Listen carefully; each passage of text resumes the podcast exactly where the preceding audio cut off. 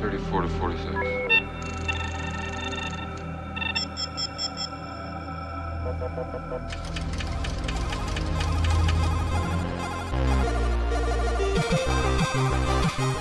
Lolbua episode 154 er her. Velkommen skal du være, kjære lytter. Jon Cato Lorentzen heter jeg. Med meg har jeg min eh, gode venn og eh, alkoholiske svire eh, Lars Ricardo Olsen. Hello, hallo, hallo. Den rake motpol til avholdsmannen Magnus Tellefsen. Hallo, hallo. For du er avholdsmann akkurat nå, er du ikke det, Magnus? Akkurat nå, jeg teller ned nå.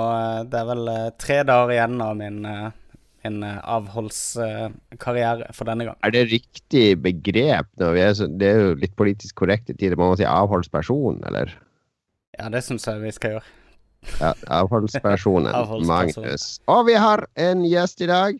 Velkommen skal du være, eller skal jeg kanskje si konbanwa gozaimasu, eh, Kato-san. Eh, god kveld, god kveld. Konbanwa. Det er Cato eh, Haugen eh, som har joina oss. Eh, habil Destiny-spiller, eh, Japan-ekspert, og hva annet er du, Cato? Nei, hva er jeg? Jeg er lærer. Du er lærer. Yay. Ja, så Hva lærer jeg nå Er det grunnskole, videregående, ungdomsskole? Nei, til, eh, til voksne. Voksne oh, ja, til- eh, på å si arbeidsimmigranter. Ja, så, sånne, sånne som kommer til Norge og skal jobbe, og så skal lære seg norsk? Ja, eh, folk som jobber i ja, ingeniører og oljebransjen. Det, er litt færre oljeingeniører i Norge nå, av en eller annen grunn.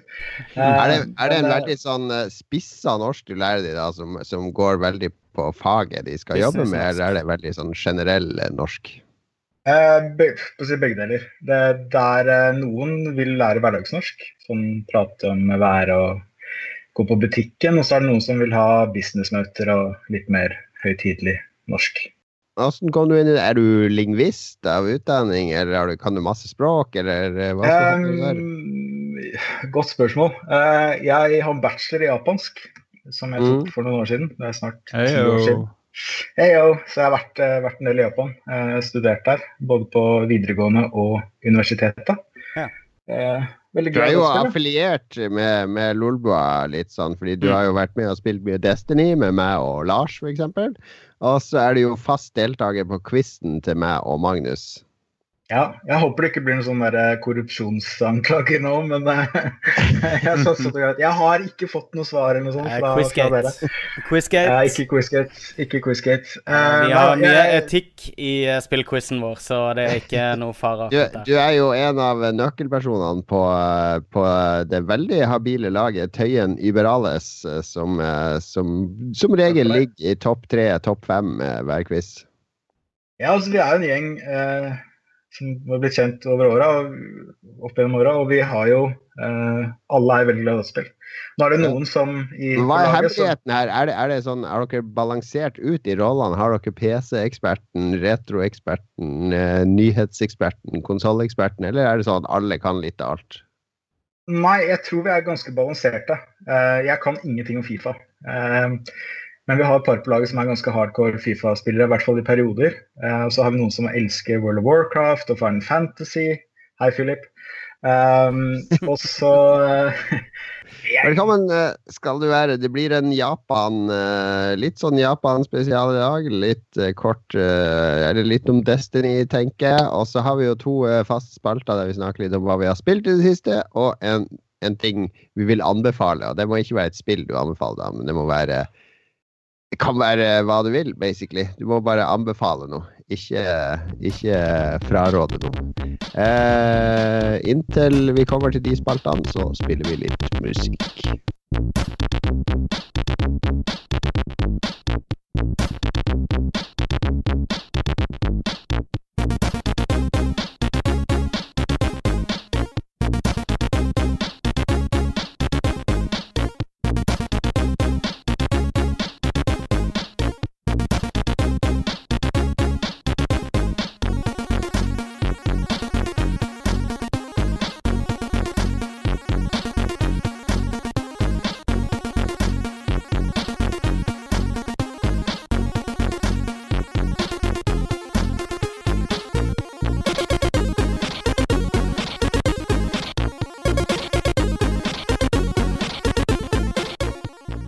Velkommen tilbake. Vi skal gå inn i nyhetsspillet, men vi har en sånn breaking news uh, helt på tampen her. Fordi uh, du, uh, Lars, du ga deg jo ikke med den fyllekula i Oslo. Du surra deg ned til Trondheim og mista laptop. Og, hva, hva, er det som skjer her? Er du, har du helt mista kontroll? Du har mista laptopen din. Uh, ja, breaking news. Nei, Jeg klarte å glemme den i sikkerhetskontrollen i Trondheim da jeg skulle ned på Scoop i Tønsberg. Så uh, nå jeg, jeg, kjører på sånn reserverigg. Det er derfor det bildet er ekstra dårlig i dag. Ser litt sånn softlinse gul ut. Men jeg, det var for å skjule, skjule det ekstremt tynne håret ditt at du har litt sånn dårlig bilde. vet du hva, vi skal, vi skal få en ekspert til å telle hårstrå til neste live. -sending. Det høres ut som noe til livesendinga. Ja, få en frisør til å klippe mm. begge oss på scenen og så bedømme hvem som var best. Uh, det kan bedømme flere kriterier i håret, da. Men, men Lars, det er ikke så ille. Ja, det hører du, Jon Cato. Men du vet når folk sier det ikke er så ille, Lars. Da vet ja. du uh, Når folk trøster deg, da vet du hvor du ligger an. Ja, ikke sant? Jeg syns du er fin her, Lars. Jeg syns du er tøff. Ja, det er jo ikke patetisk. Nei, men uh, ja, det er en god idé. Nei, men du, eh, var det, var det fordi du var uh, eh, stressa, eller hadde du vært på flaska igjen? Eller, man glemmer jo som regel ikke en laptop i sikkerhetskontroll. Var du veldig seint ute til flyet? Men jeg har det med å glemme ting på reise. Jeg, har glemt, jeg husker jeg glemte en sånn uh, radio Hva faen heter det der humorprogrammet til Charlo Halvorsen og det her Radio Revolver-magasinet. Revolver klart å glemme Walkman med revolvermagasinet på et fly. Har klart å glemme PC. På tog i Japan glemte jeg en hel ryggsekk osv. Liksom på reise klarer jeg å glemme ting. Blir litt det er jo helt uh, Det er jo altså Jeg er så paranoid når jeg reiser, så jeg liksom dobbeltsjekker at jeg har alt med flere ganger. Mm. Men det, er, det var i sikkerhetskontrollen? Ja, det var sikkerhetskontrollen. For du må jo ta ut alt mulig. Og så var det litt sånn rar. Det kom så tregt noe ting, og så jeg vet ikke. Så bare glemte jeg den igjen. Men uh, den er på vei. Jeg får den i kveld uh, senere i kveld. Hadde jeg vært toller da, og jeg hadde sett en type bare sånn her øh, glemmer laptopen sin i sikkerhetskontrollen ja, Destruer. Destruer. Ja, destruer og bare legg han i jern. Han har et eller annet. Han har planer. Han er distrahert. Ja. Han der skalla duden der borte, legg han i jern. Altså, Skallemann! Jesus Christ. For en ok, Det var ikke den nyheten vi egentlig har. Vi skal selvfølgelig snakke om uh, noen uh, i, i Lolbua sitt uh, Det har i hvert fall vært favorittspillet til et par i Lolbua. Magnus, hva er dagens nyhet? dagens nyhet um, Jo. Torsdag sendte nemlig Bunchy ut en ny trailer som ikke røper så veldig mye mer enn at Destiny 2 kommer i september, og at The Last City, huben fra første spill, er lagt i ruiner. Spillet kommer til PC i tillegg til X-Bone og PS4. Times may be dark, but we are Earth's greatest hope. Look around you. A gathering of noble guardians new and old. Okay, listen up. Um, You're a bunch of dirty misfits, but you're all that's left, so you'll have to do. Our home was attacked. I was there and fought against the endless onslaught. They kept coming, so I kept firing. Not gonna lie, I was magnificent. Yes, for det kom, nå er det endelig avslørt at uh, Destiny 2 kommer 8.9. Og vi har ikke fått noen sånn ordentlig smakebit av spillet ennå, for disse trailerne er jo litt sånn CGI. Men du, Cato, er vel den av oss som er eh, fortsatt uh, spiller en del Destiny, og som gleder deg stort. Hva syns du om det som har blitt vist så langt? Altså, det, det er faktisk, Jeg satt og spilte Destiny før sending i dag, så det er litt morsomt. eh, men, men jeg, har hatt, jeg, har hatt, en lang pause. Eh, for jeg, jeg har funnet at OK, jeg tror Destiny er det spillet jeg har spilt mest ikke, 500 timer eller sånn i Destiny. Det er ikke så veldig mye. Ja. Hva, hva forventer du av toeren, da, i forhold til uh, det vi har fått servert nå? Toeren? Jeg um, Nei, jeg forventer at uh, de gjør ganske mye med historie. Um, de mm. ekspanderer universet. Vi får se flere, uh, selvfølgelig flere steder, flere raser, fiendetyper. Uh, grafikken bør være ganske mye bedre, i og med at dette her er PC, PlayStation 4 og Xbox One, og ikke lenger 360 og PlayStation 3. Så de er ikke bundet av forrige konsollgenerasjon, så de kan på en måte pushe det litt mer. I tillegg så har du da PS4 Pro og Scorpio, som Altså Det er litt rart å si det, men nå er PlayStation 4 og Xbox One den vanlige er på en måte det, det dårligste nå, men mm. det er fullt habilt fortsatt. Uh, men jeg tror en del kommer til å hoppe opp på PC uh, når det kommer, for det er veldig, veldig bra at de gjør det, tror jeg. Uh, så jeg forventer meg at det grafisk blir fantastisk pent.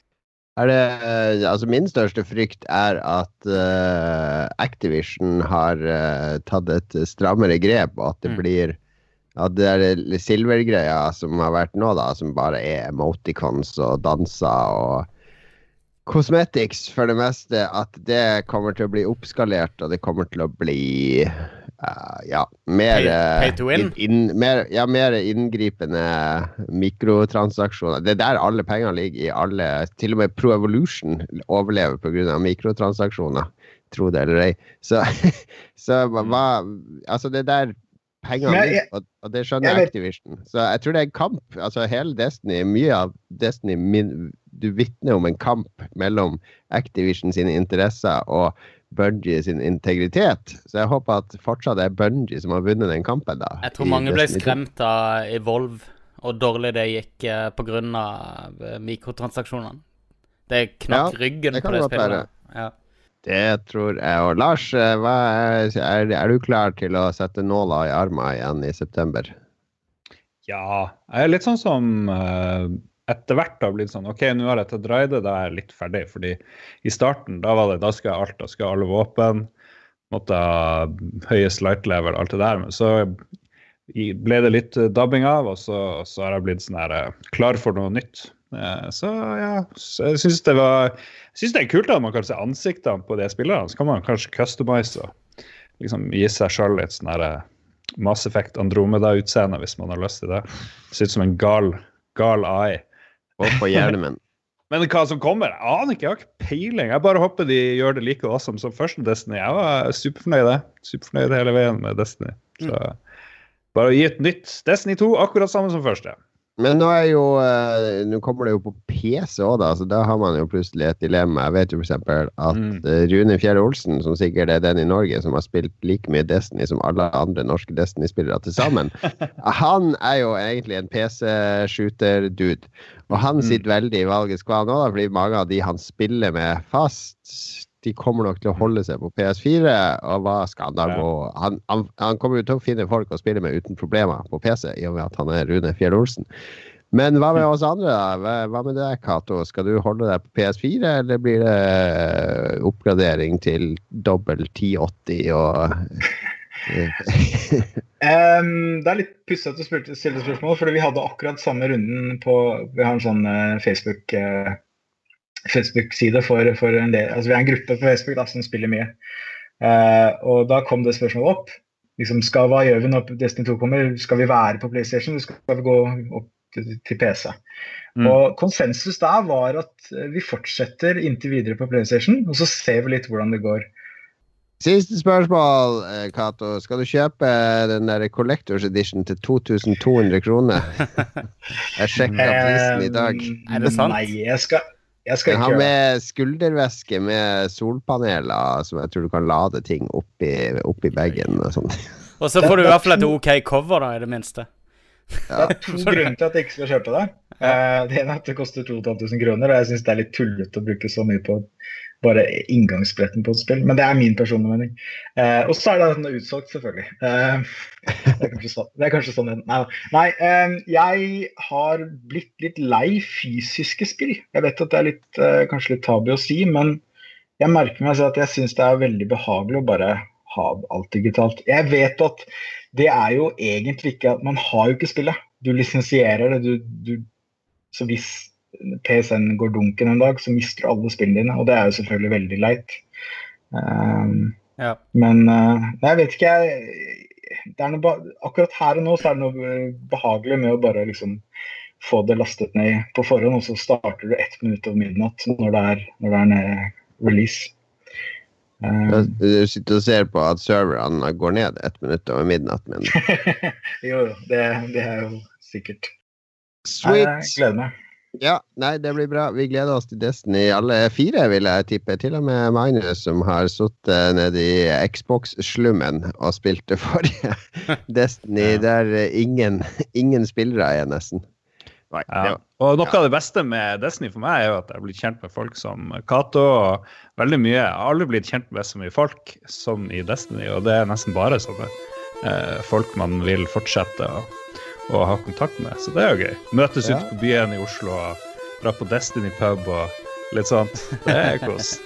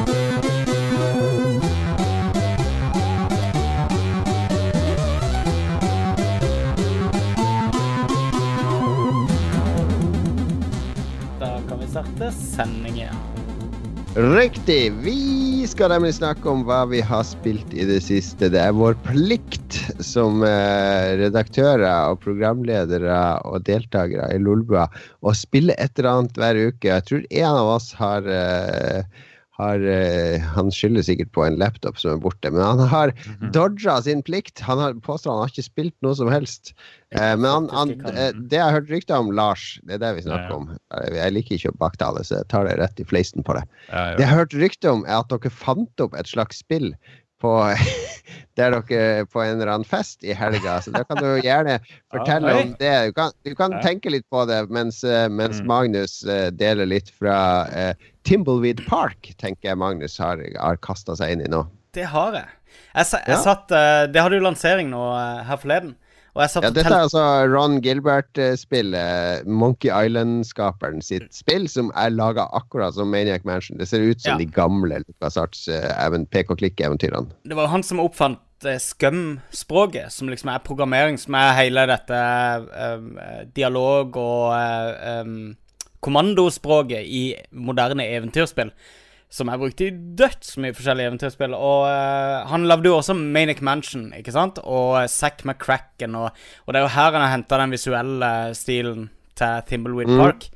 Uh, som en første øyekast, hvis du bare myser litt på screenshotsene, så ser det ut som de der gamle adventure-spillene. Men det er faktisk lagt veldig mye arbeid inn i grafikken. Det er veldig forseggjort. Uh, spillet blir beskrevet som en blanding av Twin Peaks og True Detective. Uh, det blir for vagt. Hva, hva, hva, er det som skjer? Hva, hva, er det som skjer den første timen? Fortell litt om handlinga. Hvem er det vi blir Nettopp. kjent med? Ja. For det er ikke jeg, jeg, følte ikke det var helt der. Det, det, det, aller første som skjer, er at uh, en type blir drept, og at uh, du inntar rollen som to forskjellige uh, tilsynelatende FBI-forskere, eller et eller annet agency, da.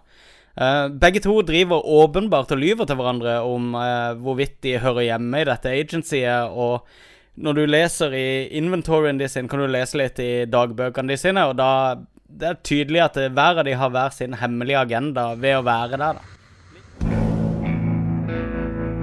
This is a small town where everybody knows everybody else and their business. When a couple of strangers start snooping around, word travels fast. So tell me again why you're here. I was assigned to the case by the Home Office in Albuquerque. There is no Home Office in Albuquerque. It's neat to know. Earlier this evening, we found a body down by the bridge. I don't remember calling the Federinos.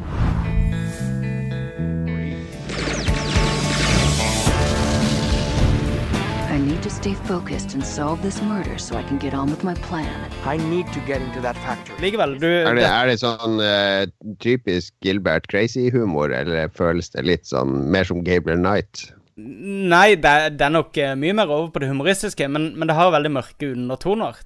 Uh, mm. Mordet foregår rett utenfor en, en uh, nesten nedlagt uh, småby, hvor all, all, business og sånn er, er, liksom gått konkurs. Hjørne, oppfinneren som drev hjørnesteinsbedriften i bygda, Thimbleweed, har dødd bare for noen dager siden, og det er liksom Det er veldig få personer igjen. Så disse to detektivene, du styrer begge to, da? Ja, riktig. Ja, Så kommer de til denne byen, og så er det der det, der det begynner, liksom. Skal ja. etterforske dette greiene. Ja. Men så kommer du også Hvordan, inn i samtale med ja. andre, så begynner de med tilbakeblikk, og da er du plutselig aktiv, og da spiller du tilbakeblikk som andre personer. Ok, Så, så du får spille som vitne og? Ja, ja du, du, får spille som, som, Det er litt kult, da. Ja, det er kjempekult. Så hele tida så, så forandrer spillestilen seg, da, og Um, men det er fullt av Ron Gilbert-humor. For de som er ute etter et humoristisk adventure-spill, som har savna det, så er det massevis av selvbevissthet, som ler av seg sjøl, mye metahumor. Utrolig mye referanser, kanskje litt overdrevet referanser til um, Zack McCracken uh, og Maniac Mansion og, det, og Monkey Island, men, uh, uh, men det tåler vi, altså. veldig morsomt.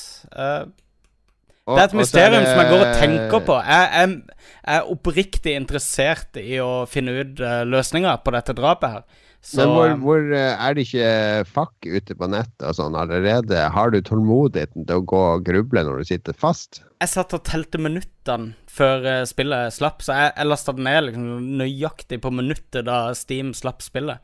Så, mm. så jeg har ligget foran uh, de walkthroughsene i hvert fall første dagen. Men nå ligger det jo sannsynligvis ute løsninger. Ja. Men eh, derfor har jeg egentlig eh, lagt spillinga litt på is nå, og skal spille det videre på flyet nå når jeg reiser på onsdag. Og spille på laptop. Du skal sette på et fly i flere dager helt til du har runda det.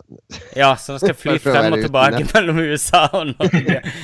Det blir en dyr affære, men jeg tror det blir verdt det. Ja, Mm. Nei, det høres ganske spennende Du, har, du, er jo en backer av det her, Lars. Du ga det vel en mm. 2000-3000 kroner, som du pleier å gi Mortal Kombat ja. og sånne spill. Det er bare, bare glede seg til rulleteksten. Jeg er sånn produsent for spillet. det er én ting som, som uh, en begynner å se i spill nå, det er liksom den her med å gi litt tilbake til backere i form av at de, de dukker opp i spillet på en eller annen måte, eller at de får lov til å bidra. Jeg syns òg det. Det, det ødela hele det der uh, Planescape-åndelige uh, oppfølgeren for meg. Med at ja. det var så mange folk som skulle by på drømmene sine. Så får jeg, jeg får jo leste alle de her tekstene. Ja. Og så var det sånn Ja, det er, noen, det er sånn 200 backere som har fått lov å være med i spillet og skrive inn drømmen mm. sin. Oh, ja, ikke sant? I, i Thimbleweed Park så går du inn i et bibliotek, og der er det liksom bare hundrevis av bøker. Uh, der det kom opp en advarsel først om at dette er skrevet av backerne våre. Ikke sant? Så er det sånn her uh, immersion broken umiddelbart. Og så er det, mm. det er overalt så finner du Det er en hel telefonkatalog du kan bla rundt i, da, og der er det bare navn på, eh, på uh, forskjellige Jeg fant ikke navnet ditt, Lars. Jeg var skuffa over at ikke du hadde sponsa deg opp til den ja. tieren der, altså.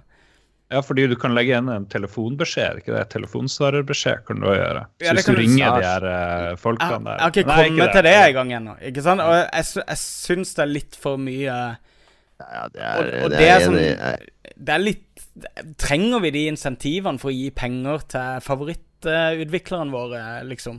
At eh, Nei. Jeg tror jeg er med i rulleteksten på Broken Age. Det er mm. liksom så langt uh, de tok det, med at du ble med i rulleteksten. Og det er jo bare en sånn her eh, wall of text som ingen leser.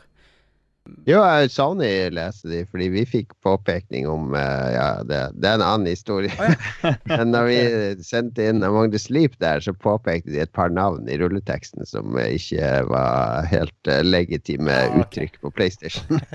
så, så, noen sa, en stakkars person satt der og leste gjennom alle de takkene. Ja, han var Xbox-fanboy, og det var ikke, kom ikke på tale. det kan jo eh, være at jeg bare hadde kjørt fila, altså rå, råteksten, gjennom eller annen, eh, et eller annet filter for Garantert. å finne de. Okay, to, to, ulike spørsmål fra meg. Ett til Magnus, ett til Cato. Ja. Magnus, terningkast, eh, og hvor lenge har du spilt? Jeg har spilt uh, Jeg tror jeg har spilt tre eller fire timer. Det er for... mer enn nok for å gi karakter til et spill. Terningkast fem foreløpig. Terningkast fem, ok. Ja. Cato, sånne gamle LuxArt-spill, er du det var kanskje før din tid, eller jeg vet ikke helt? Nei, eh, faktisk Nei. ikke. Jeg spilte Altså, mitt point and click favorittspill eh, noensinne på, på, PC, det er Full Throttle. av Tim Shafer. Og det kommer jo remasteret utgave nå i april. Yep. Oh, yeah. og det gleder jeg meg til. fordi jeg elsker det spillet. Jeg har spilt det kanskje ti ganger eller noe sånt. Det er, og du syns jeg, at det, det er kanskje ikke så mye, men, men, ja, jeg har spilt det mange ganger. Jeg kan den historien og karakterene. og Mark Hamill er stemmeskuespiller, og ja, det er mye som er bra der, altså. Ja vel. Mm. Nei, Timberwood Park, uh, terningkast fem uh, fra Magnus der. Vi vet ikke om det er D20 eller D10 eller hva det er, men det er en solid femmer i hvert fall. Det, det er fem. Vi eh, går Lars sitt fortsatt og grubler ut hvordan han skal presentere spillet sitt fra helgens konferanse. Cato, hva har du spilt i det siste? Del ett spill, ikke 20. Jeg har snakket om Destiny, så det, det holder. Um, jeg, vil faktisk, jeg, vil faktisk, nevne Wildlands, den nye til Ubisoft. Ja, for det er ingen av oss som har spilt, så det er Nei. perfekt. Jeg håpa at det var det du skulle si, for da kan vi kanskje få noen uh, ordentlige inntrykk fra Wildlands. Ja, um, det, er, det, har jo fått litt pepper fordi er, folk sier det er uh, kjedelig hvis du spiller det alene. Ja, så det, ja. og, så er det, moro hvis du spiller med andre. Uh, etter hvert så Det er jo det er veldig sånn RPG-mekanikk i det også. Um, at du, du, låser opp nye skills etter hvert som du klarer oppdrag osv. Og, så og, uh, og etter hvert så kan du oppgradere um, dine AI-er også, sånn at de blir bedre. Eh, så jeg har en følelse av at de som har spilt og gitt det kritikk for at det er dårlig eh, singleplayer, eh, kanskje har lagt mest fokus på å oppleve sin egen karakter, og så har de da dårlig AI ved siden av. Altså, de, har ikke, de har ikke alle de skillsene som, som AI-en kan, kan, få. Som, mm. for du spiller jo en karakter av fire hvis du spiller alene. Eh, så du, mm. styrer du de tre andre. Du kan gi dem ordre om å skyte og gå dit og Ja, fordi temaet for spillet er at du er sånn der uh, spesialstyrke på fire som skal raide narkokarteller og ja. sånt. Kort, kort, oppsummert så har Bolivia blitt en narkostat. Det er et, Hva? Uh, ja, det er for sykt. Så, ja, så regjeringen i Bolivia har faktisk sendt klage til Ubisoft og bedt franske myndigheter om å få Ubisoft til å endre uh, spillet. Det kan bli litt vanskelig, tror jeg. Men uansett, kort fortalt, det er en veldig stor, åpen verden. Eh, kanskje den største Ubisoft har lagd noensinne. Den er vanvittig svær, eh, den mm. verden der. Eh, og det som er kult med Bolivia, og jeg tror grunnen til at de har valgt det landet, er at det er det mest Uh, hva heter det, biodiversity. altså De har den største mangfoldet mm. av forskjellig natur i det landet. De har vinter, de har vår, altså de har snø, de har jungel, de har uh, ørken. altså De har alt i Bolivia. Uh, og det reflekteres i spillet. så det er forskjellige soner eller områder du kommer til. Eh, med forskjellige bosser, da, og de har da Der er landskapet helt forskjellig. Og det gir Men Er det, hvis vi skal rett inn på gameplay nå, da, er det sånn ja. ren action, eh, bare eh, run and gun, eller er det noe taktikkeri? Eller må du spane litt ut? Kan du bruke forskjellige fremgangsmetoder for å ta mm. disse kartellene, eller? Altså, du, har, du har tilgang på en drone eh, som du kan fly rundt. Den tror jeg de har rappet fra Watchdogs 2. Eh, du ser veldig mange Ubisoft-ting som liksom kom samlet inn her. Samtidig har de lært av The Division. Uh, der hvor det tok 100 år å skyte folk, så tar det nå ett skudd, uh, headshot, og så er fyren nede. Og så er det da baser. Det er, det er basically som, som en slags multiplayer Phantom Pain, Metal Gear Solid. At det er en åpen verden, og så kan du komme inn i en base fra forskjellige vinkler. Og hvis du spiller med fire stykker, så er det én som kan gå inn kamuflert eh, som nærkampekspert, og så er det én som ligger en kilometer unna med sniperrifle. Og så kan man da snakke sammen og koordinere angrep. Eh, man kan skyte fire stykker samtidig. Mm. Eh, med sånn synkroniseringsskudd. Så det er, det er, det er mange sånne småting som gjør at gameplay fungerer veldig godt hvis du er med folk som du, som du spiller med. Et, et, siste spørsmål. Har, har det den le jeg føler at sånne spill ofte trenger en sånn lekenhet. Altså at det er åpent nok til at det er systemer å leke med. Sånn som i Metal Gear så kan du feste C4 på en lastebil, og så trille den inn i fiendeleiren og sprenge den? Er det åpent, er det lekent nok at, kan, at det kan oppstå en masse situasjoner av systemene, eller blir, er det, føles det veldig sånn Ja, nå skyter vi, nå sniper vi, nå ja, nei, du, du, kan, kan du fyr på bygninger og så videre? Er det Ja? det er ikke så mye destructibility, i hvert fall sånn permanent. Det, det fyker litt sånn debris her og der. Men, men uh, du kan feste C4 på biler og fly og helikopter. Um, og du kan, altså, du kan fly 2000-3000 meter opp i været, og så kan du da hoppe ut. Uh, så vi, vi, prøvde en gang å feste masse C4 på helikopteret, fly det opp, hoppe ut i fallskjerm og så se om vi klarte å liksom få helikopteret til å dale ned i basen og detonere. Vi bomma med noen hundre meter. Helikopteret dalte i sin egen vei. Men en ting som skjedde som var moro, uh, sånn emergent gameplay, at det skjer ting helt sånn plutselig, uh, det var at um, Ja, det ble skikkelig kaos. Masse fiender. De kalte inn helikoptersupport. Eh, jeg tar da flikker opp granaten min når det kommer skyter ned helikopteret, og helikopteret da faller ned i hodet på de andre fiendene, som da sprenger tre biler eller noe sånt. Så det, det, det er litt moro, altså. Det ja, det er gøy. Det er, sånn som, eh, det er sånn man husker, ikke de der dumme cutscenes med han der skurken som snerrer og flere tenner. Eh, bra. Takk, eh, Cato. Wildlands, altså. Eh, gått litt under radaren på mange fordi det har vært så uhorvelig mye gode spill eh, i det siste. Eller det har jo solgt veldig bra, da faktisk, eh, når vi ser på salgsene. Så det, det, er mange som har kjøpt det. Men her i Lolbua så har det vært litt uh, anonymt. Lars, hva var det du Yo. spilte på denne konferansen i helga? Det jeg tror du, uh, du tenker på som en god talkshow-vert, så uh, har vært på Scoop. Uh, det er Stiftelsen for en kritisk og undersøkende presse. Som, ja. er, som er veldig bra. men jeg føler vi hadde stor gallamiddag. Det er bare to-tre medlemmer igjen, hvis det er kritisk og undersøkende. ja, det var, var, et ballespark. Jeg, tar, jeg trekker det tilbake. Jeg klapper Nei, var, på pungen og sier unnskyld, og så fortsetter Nei, vi var en 550 stykk der, sirkus. Yes. Uh, ja.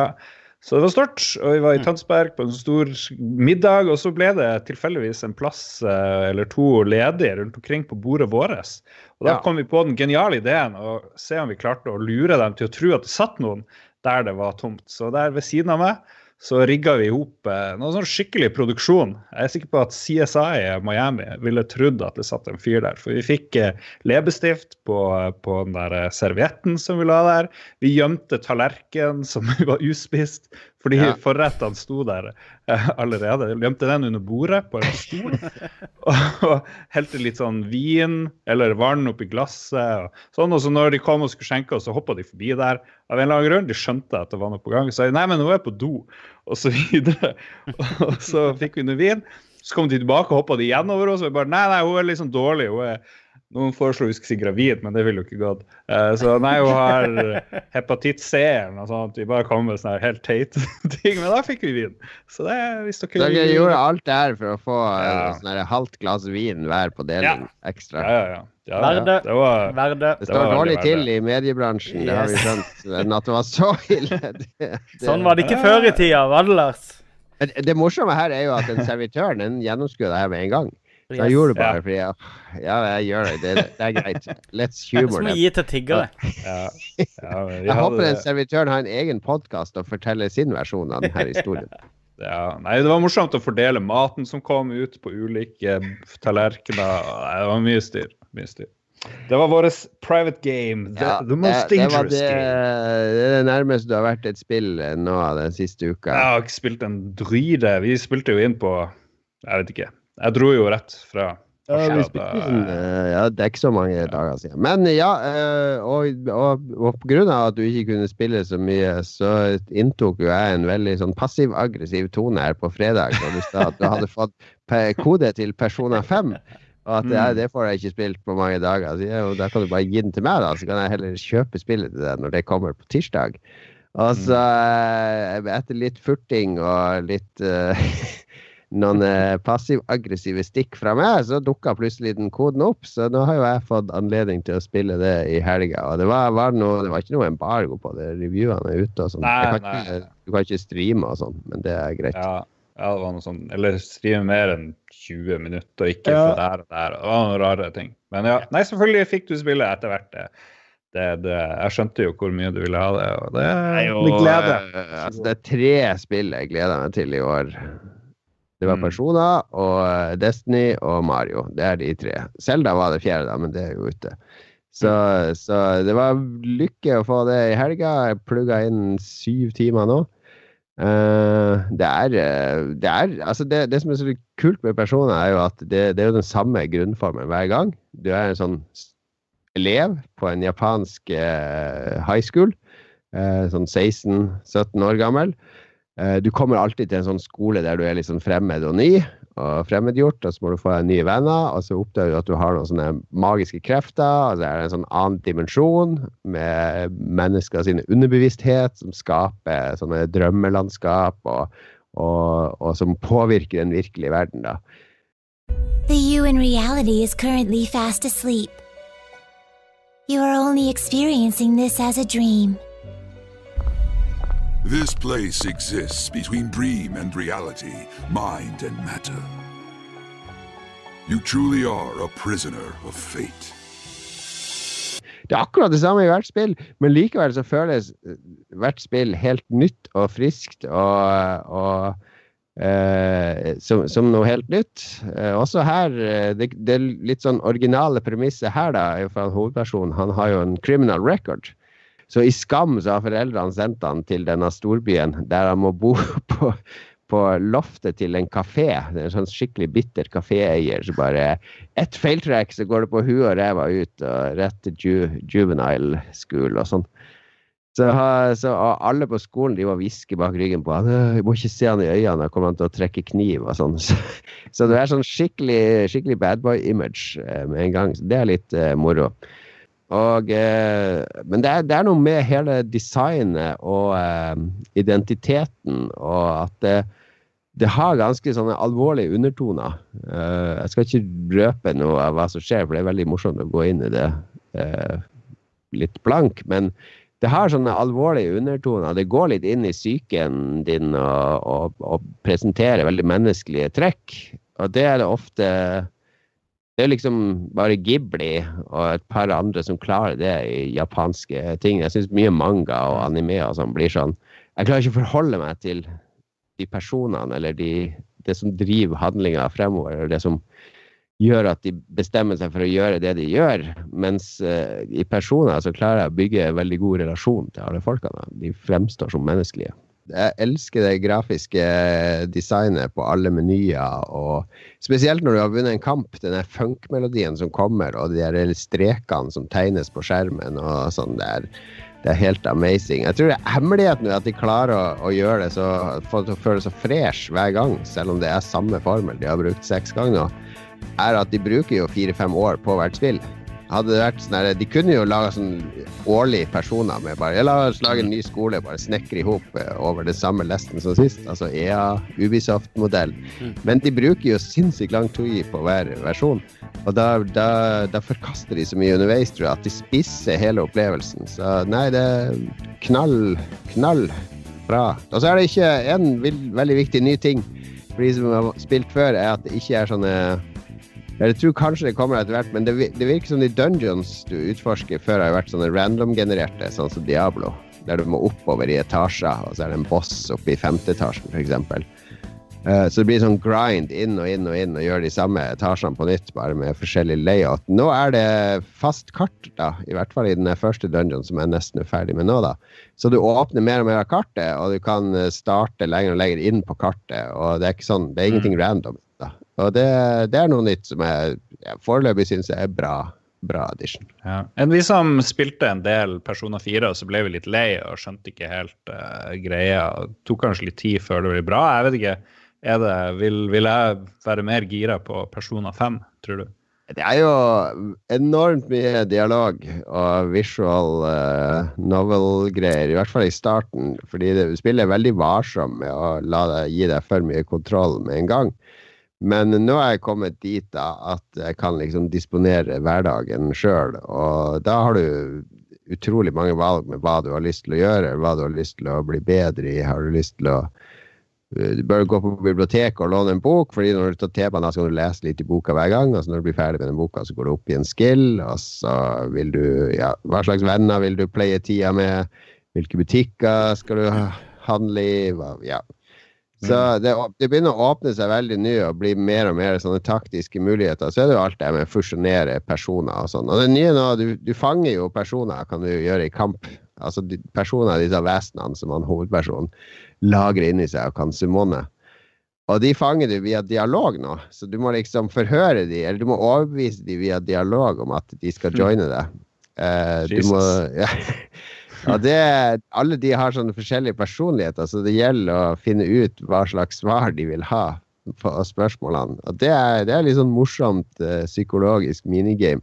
Klare å overbevise dette vesenet om at det skal joine det. All righty.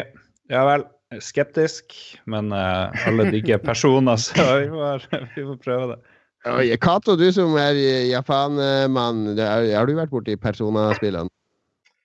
Eh, altså, jeg vet jo hva det er, men jeg har ikke spilt dem selv. Eh, jeg har fått mye pepper av eh, venner av meg som er veldig glad i personer.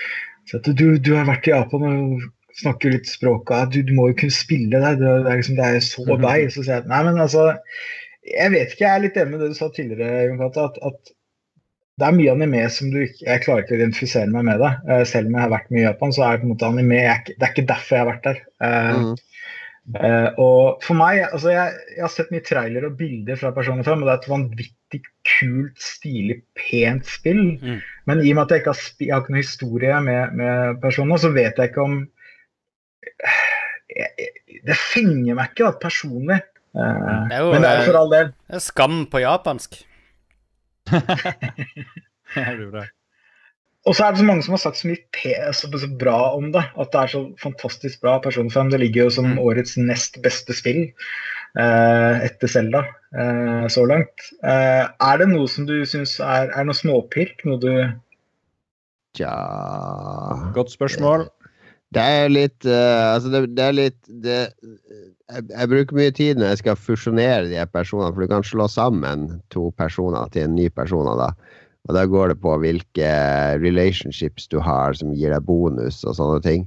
Så jeg bruker veldig mye jeg er, så, jeg er så redd for å gjøre feil valg her og ikke optimalisere fusjoneringa mi. Så jeg føler det er det ene er det, ja, det er det ene stedet i spillet der jeg tenker at det her er egentlig designa for folk som har guideboka, og som kan trace pathen mm. til jeg skal fram til denne super, dette supervesenet. Så hvilke må jeg samle, og hvilke steg må jeg ta for å komme til at jeg får det vestet vesenet? da for jeg føler at det, det blir veldig sånn på måfå. Ja, OK, ok, jeg har ikke hatt han, så jeg tar og fusjonerer fram han, og så tar jeg fusjonerer fram den, og så eh, Jeg vil gjerne at det skulle vært litt mer målretta, da. Men det er gøy òg, da, fordi det er så kult design på alle de her personene. altså Det er ifrit og det er driten fra Final Fantasy kan bare gå og legge seg når du ser disse sadomasochistiske demonene. og ja, det, det er ganske mye dark art i det spillet. Eh, bare et kort spørsmål. Eh, spiller du med, med, engelsk eller japansk tale? Jeg spiller med norsk tale.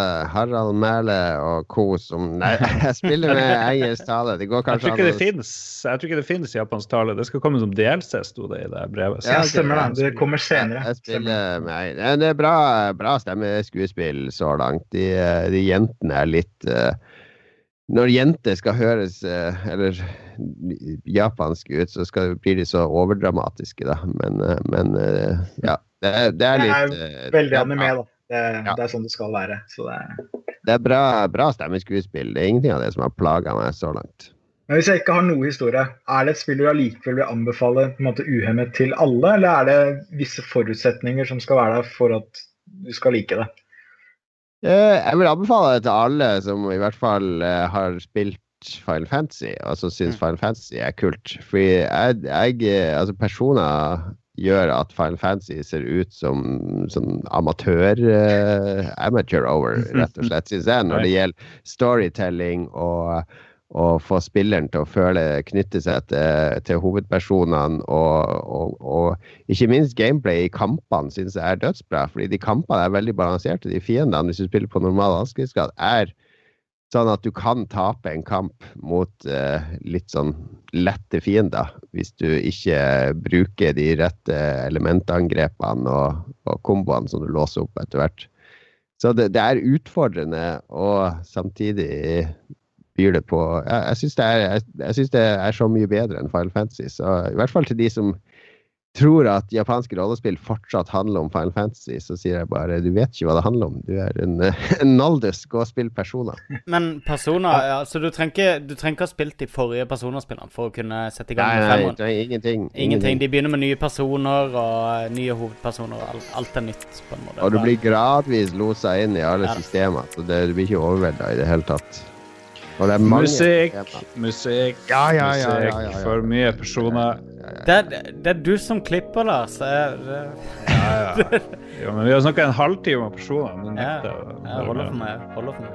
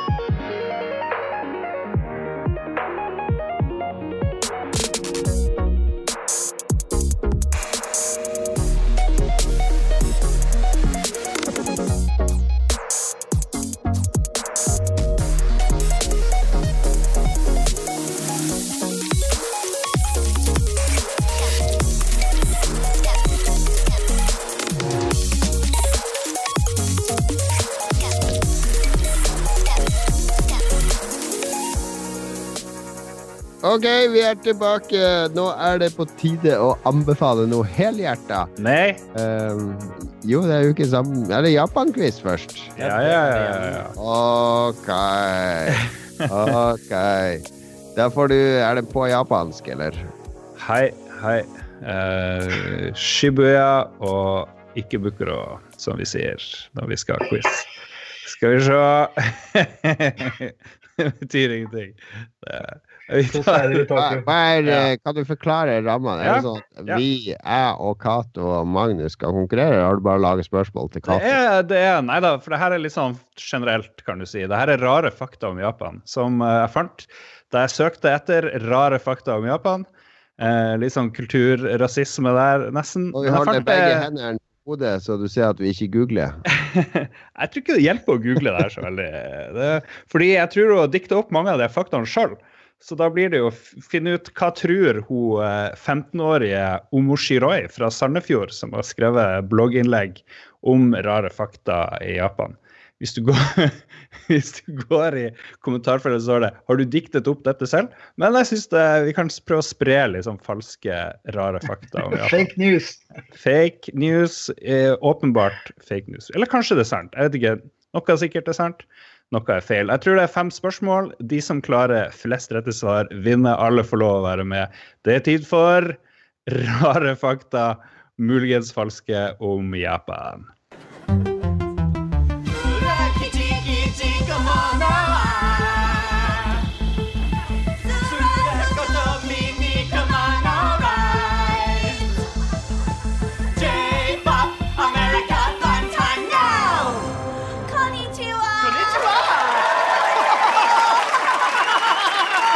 Spørsmål nummer én. um, det er sånn ja-nei-spørsmål. Så, og, og, og eh, alle svarer like gode her, nesten.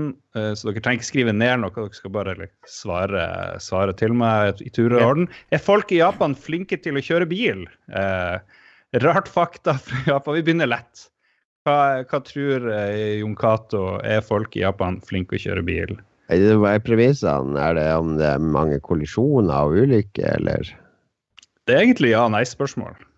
Ja, men jeg vet, jeg vet jo ikke hvordan hva Det kan være premisser for et ja-nei-spørsmål. Hva, hva betyr flink? Altså, det er ok, er det, det er ingen Nå bruker jeg litt eh, deduseringsmetoden her. Det Ja, er det ingen japanske Formel 1-førere. Jo, det har funnet. Det, er- det har vært en par. Ja, det er, det er noen gode gokart-kjørere òg. Ja, jeg sier uh, ja, og hvis du sier nei, så er du rasist. Det er mitt svar. Eksperten, du har jo vært der. Er folk i Japan flinke til å kjøre bil? Ja, altså, jeg har ikke vært i noen trafikkulykke selv, og jeg har ikke sett noen trafikkulykker. Men uh, Ja og nei. Statistisk Altså, jeg vil ikke jeg, OK, jeg får si nei, da. I og med at, jeg, Mm. at Jon sa ja. Jeg sier nei. Og jeg er Ja. ikke rasist. Ja. Uh, Magnus? Jeg vil lene meg på uh, prototypen av asiatiske kvinner i amerikansk popkultur, som uh, går for å være de dårligste sjåførene. Og siden kvinner er rundt 50% av befolkninga, så vil jeg tro at uansett hvor gode mennene er, så vil, de, vil gjennomsnittet bli såpass dårlig med tanke på at damene er så dårlige til å kjøre, at svaret er at de er dårlige sjåfører.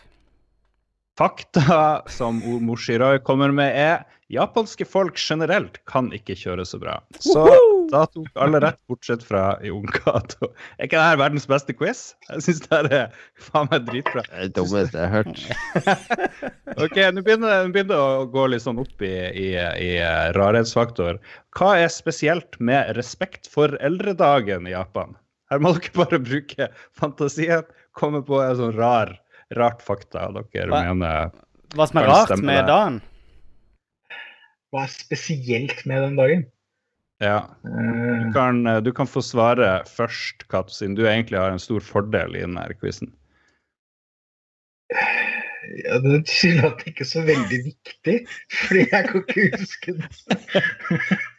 uh, nei, respekt for eldre. Altså, det, er jo, det er jo generelt veldig uh, mye respekt for eldre sånn kulturelt i Japan. Altså, man, man er jo høfligere mot eldre enn mot uh, jevnaldrende og yngre. Eh, men hva som er Nei, jeg vet ikke. Det, Du må dikte opp et rart fakta om okay. For eldredagen. Ehm, du må Du må bære eh, dagligvarer hjem eh, fra butikken for alle Mm. Ja. eldre, uavhengig av hvem det er.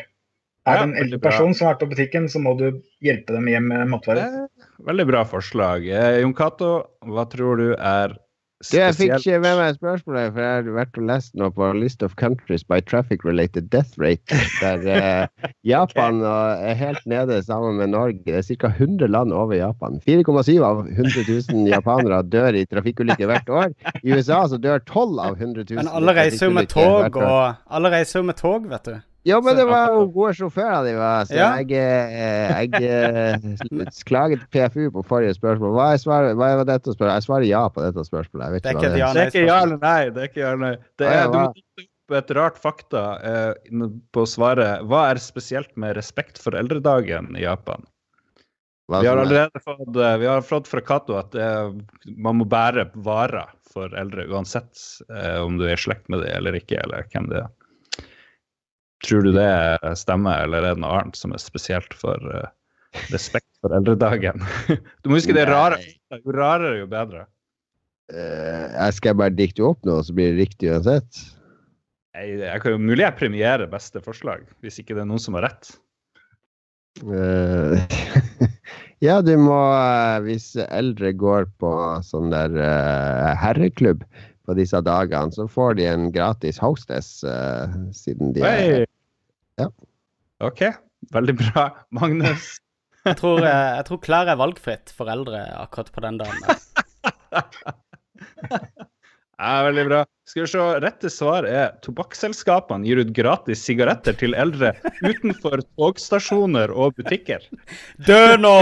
Dø nå! Jeg syns det var veldig bra svar fra Jon Cato og Magnus, så dere får et halvt poeng hver, faktisk. For, Ja, ja, det eh, bare, da vet vi det, altså. Bland inn litt sex, så er Lars Ja. der med poengene. det var litt kjedelig med det der eh, bære varer og sånt. Det var, det var ikke et rart fakta, det var helt normalt fakta. Ja. Skal vi se. Det er sikkert sant. Hva var svaret, da?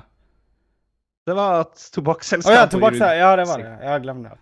Svimmel her. utenfor togstasjoner og butikker. Ja. Ok, vi er snart Siden, eh, siden NRK har innført sånn faktasjekk, eh, NRK, VG og Dagbladet, så er Lolbuas faktasjekk. Det her er en nyhet fra 1999. Eh, eh, der, men det tobakksselskapet gjorde det bare det året. Så, men, men. Det er, det er greit at Ja, ja, Du kan sparke beina. Nå har Lars lagt litt arbeid inn i innhold til, til sendinga. ja, ja, ja, ja. Jeg har vært på mange japanske togstasjoner, jeg har aldri sett det. altså, så ja. Ja, men du har ikke vært ute på Men dere må huske at dette er fakta ifølge Omoshiroi, 15 år fra Sandefjord. Nettopp. Nettopp. ja. Ja. Eh, neste spørsmål. Eh, hva elsker japanere på pizza? Eh, dere kan nevne én ingrediens hver, så, og jeg har en lang liste over ingredienser. Så hvis den er der, så får dere poeng. Eh, ost. Magnus OK, du går for ost. Ja. Ja, den var feig. Uh, jeg tror de liker uh, Jeg tror de liker blekksprut på pizzaen sin. OK, Cato. Mais. Å, kun Cato får poeng! Oi sann. Mais. ja. Ja, mais. De putter masse Stemmer mais på det. pizzaen sin. Stemmer det. Det skulle ikke vært lov. Veldig bra. Uh, eh, er det isolasjon i veggene i Japan? Det er et nytt spørsmål. ja, nei-spørsmål. Hva sa du? Er det Er det Er det isolasjon i veggene i hus i Japan? eh, Hvem svarer først?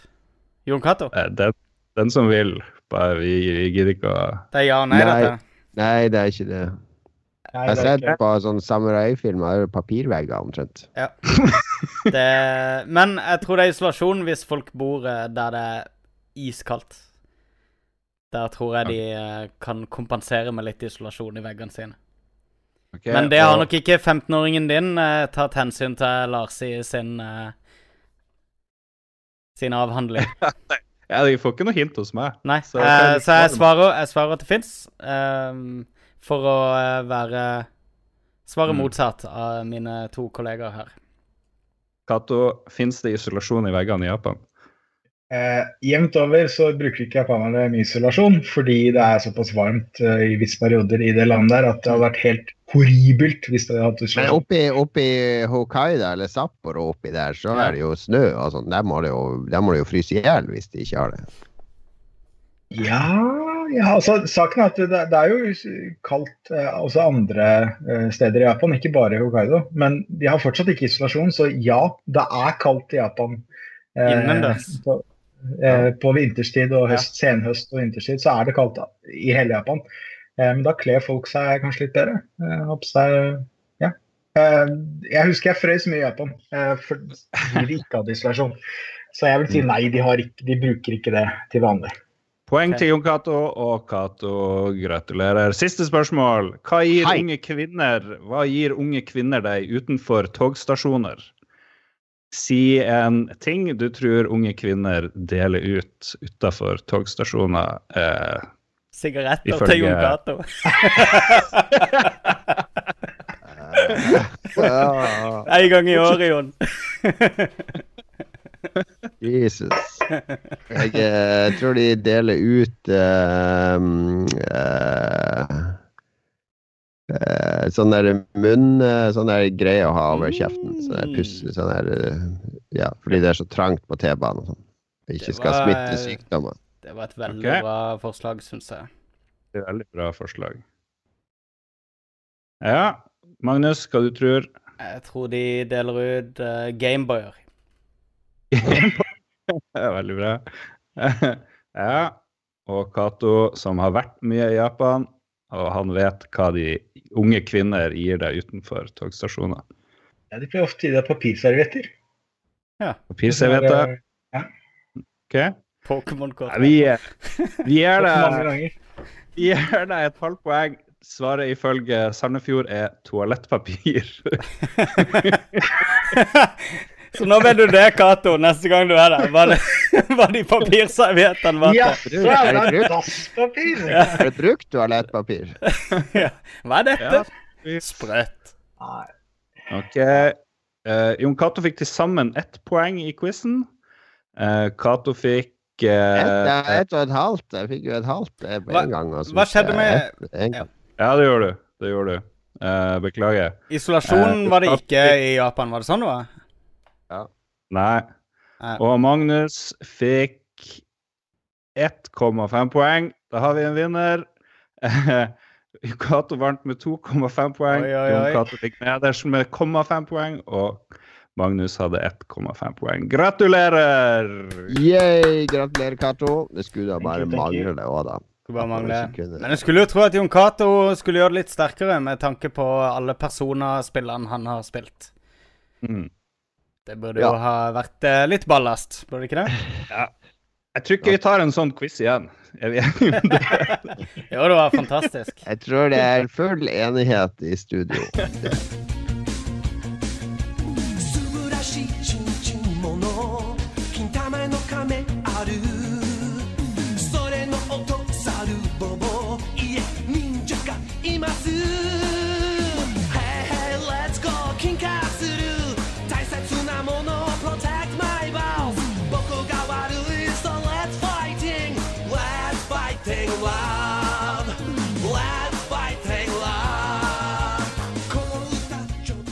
Nå skal vi endelig få lov til å anbefale noe. Og det skal være Cato, vi er veldig strenge i denne spalten. Det skal være, det skal være sånn helhjerta anbefaling, ikke sånn der ja, Det er en helt grei film. Det skal være sånn Denne filmen bør du se. Eller denne boka bør du lese. Den anbefaler jeg. Uh, og skal, det er i hvert fall ikke lov å, å komme med sånn der uh, Ikke se den her. Altså å av Eller fraråde noen. Ja. Så Lars, du kan jo uh, Eller jeg har det kanskje den kjedeligste anbefalinga nå. Fordi jeg, uh, jeg sitter på, på, mitt kontor som vanlig. Jeg var jo frilanser, jobba hjemmefra i mange år, så har jeg, jeg, har et rom her i mm. rekkehuset vårt som er innreda som mitt kontor, der jeg har alle tingene jeg trenger for å jobbe. Alle oppslagsverk, bøker, referanser, komplett samling med Edge og andre ting. Ja, brettspill, husker jeg. Det var sånn tre ja, det, det, ja, de er oppe på loftet nå, men det er, mest, det er mye litt sånn art og ting her nå. Eh, og det, etter jeg fikk fast jobb i Krillbite, så har liksom det kontoret bare forfalt fordi jeg ikke har brukt det hver dag. Eh, det har blitt sånn lagringsplass for kofferter og klær, og det så ikke ut her inne.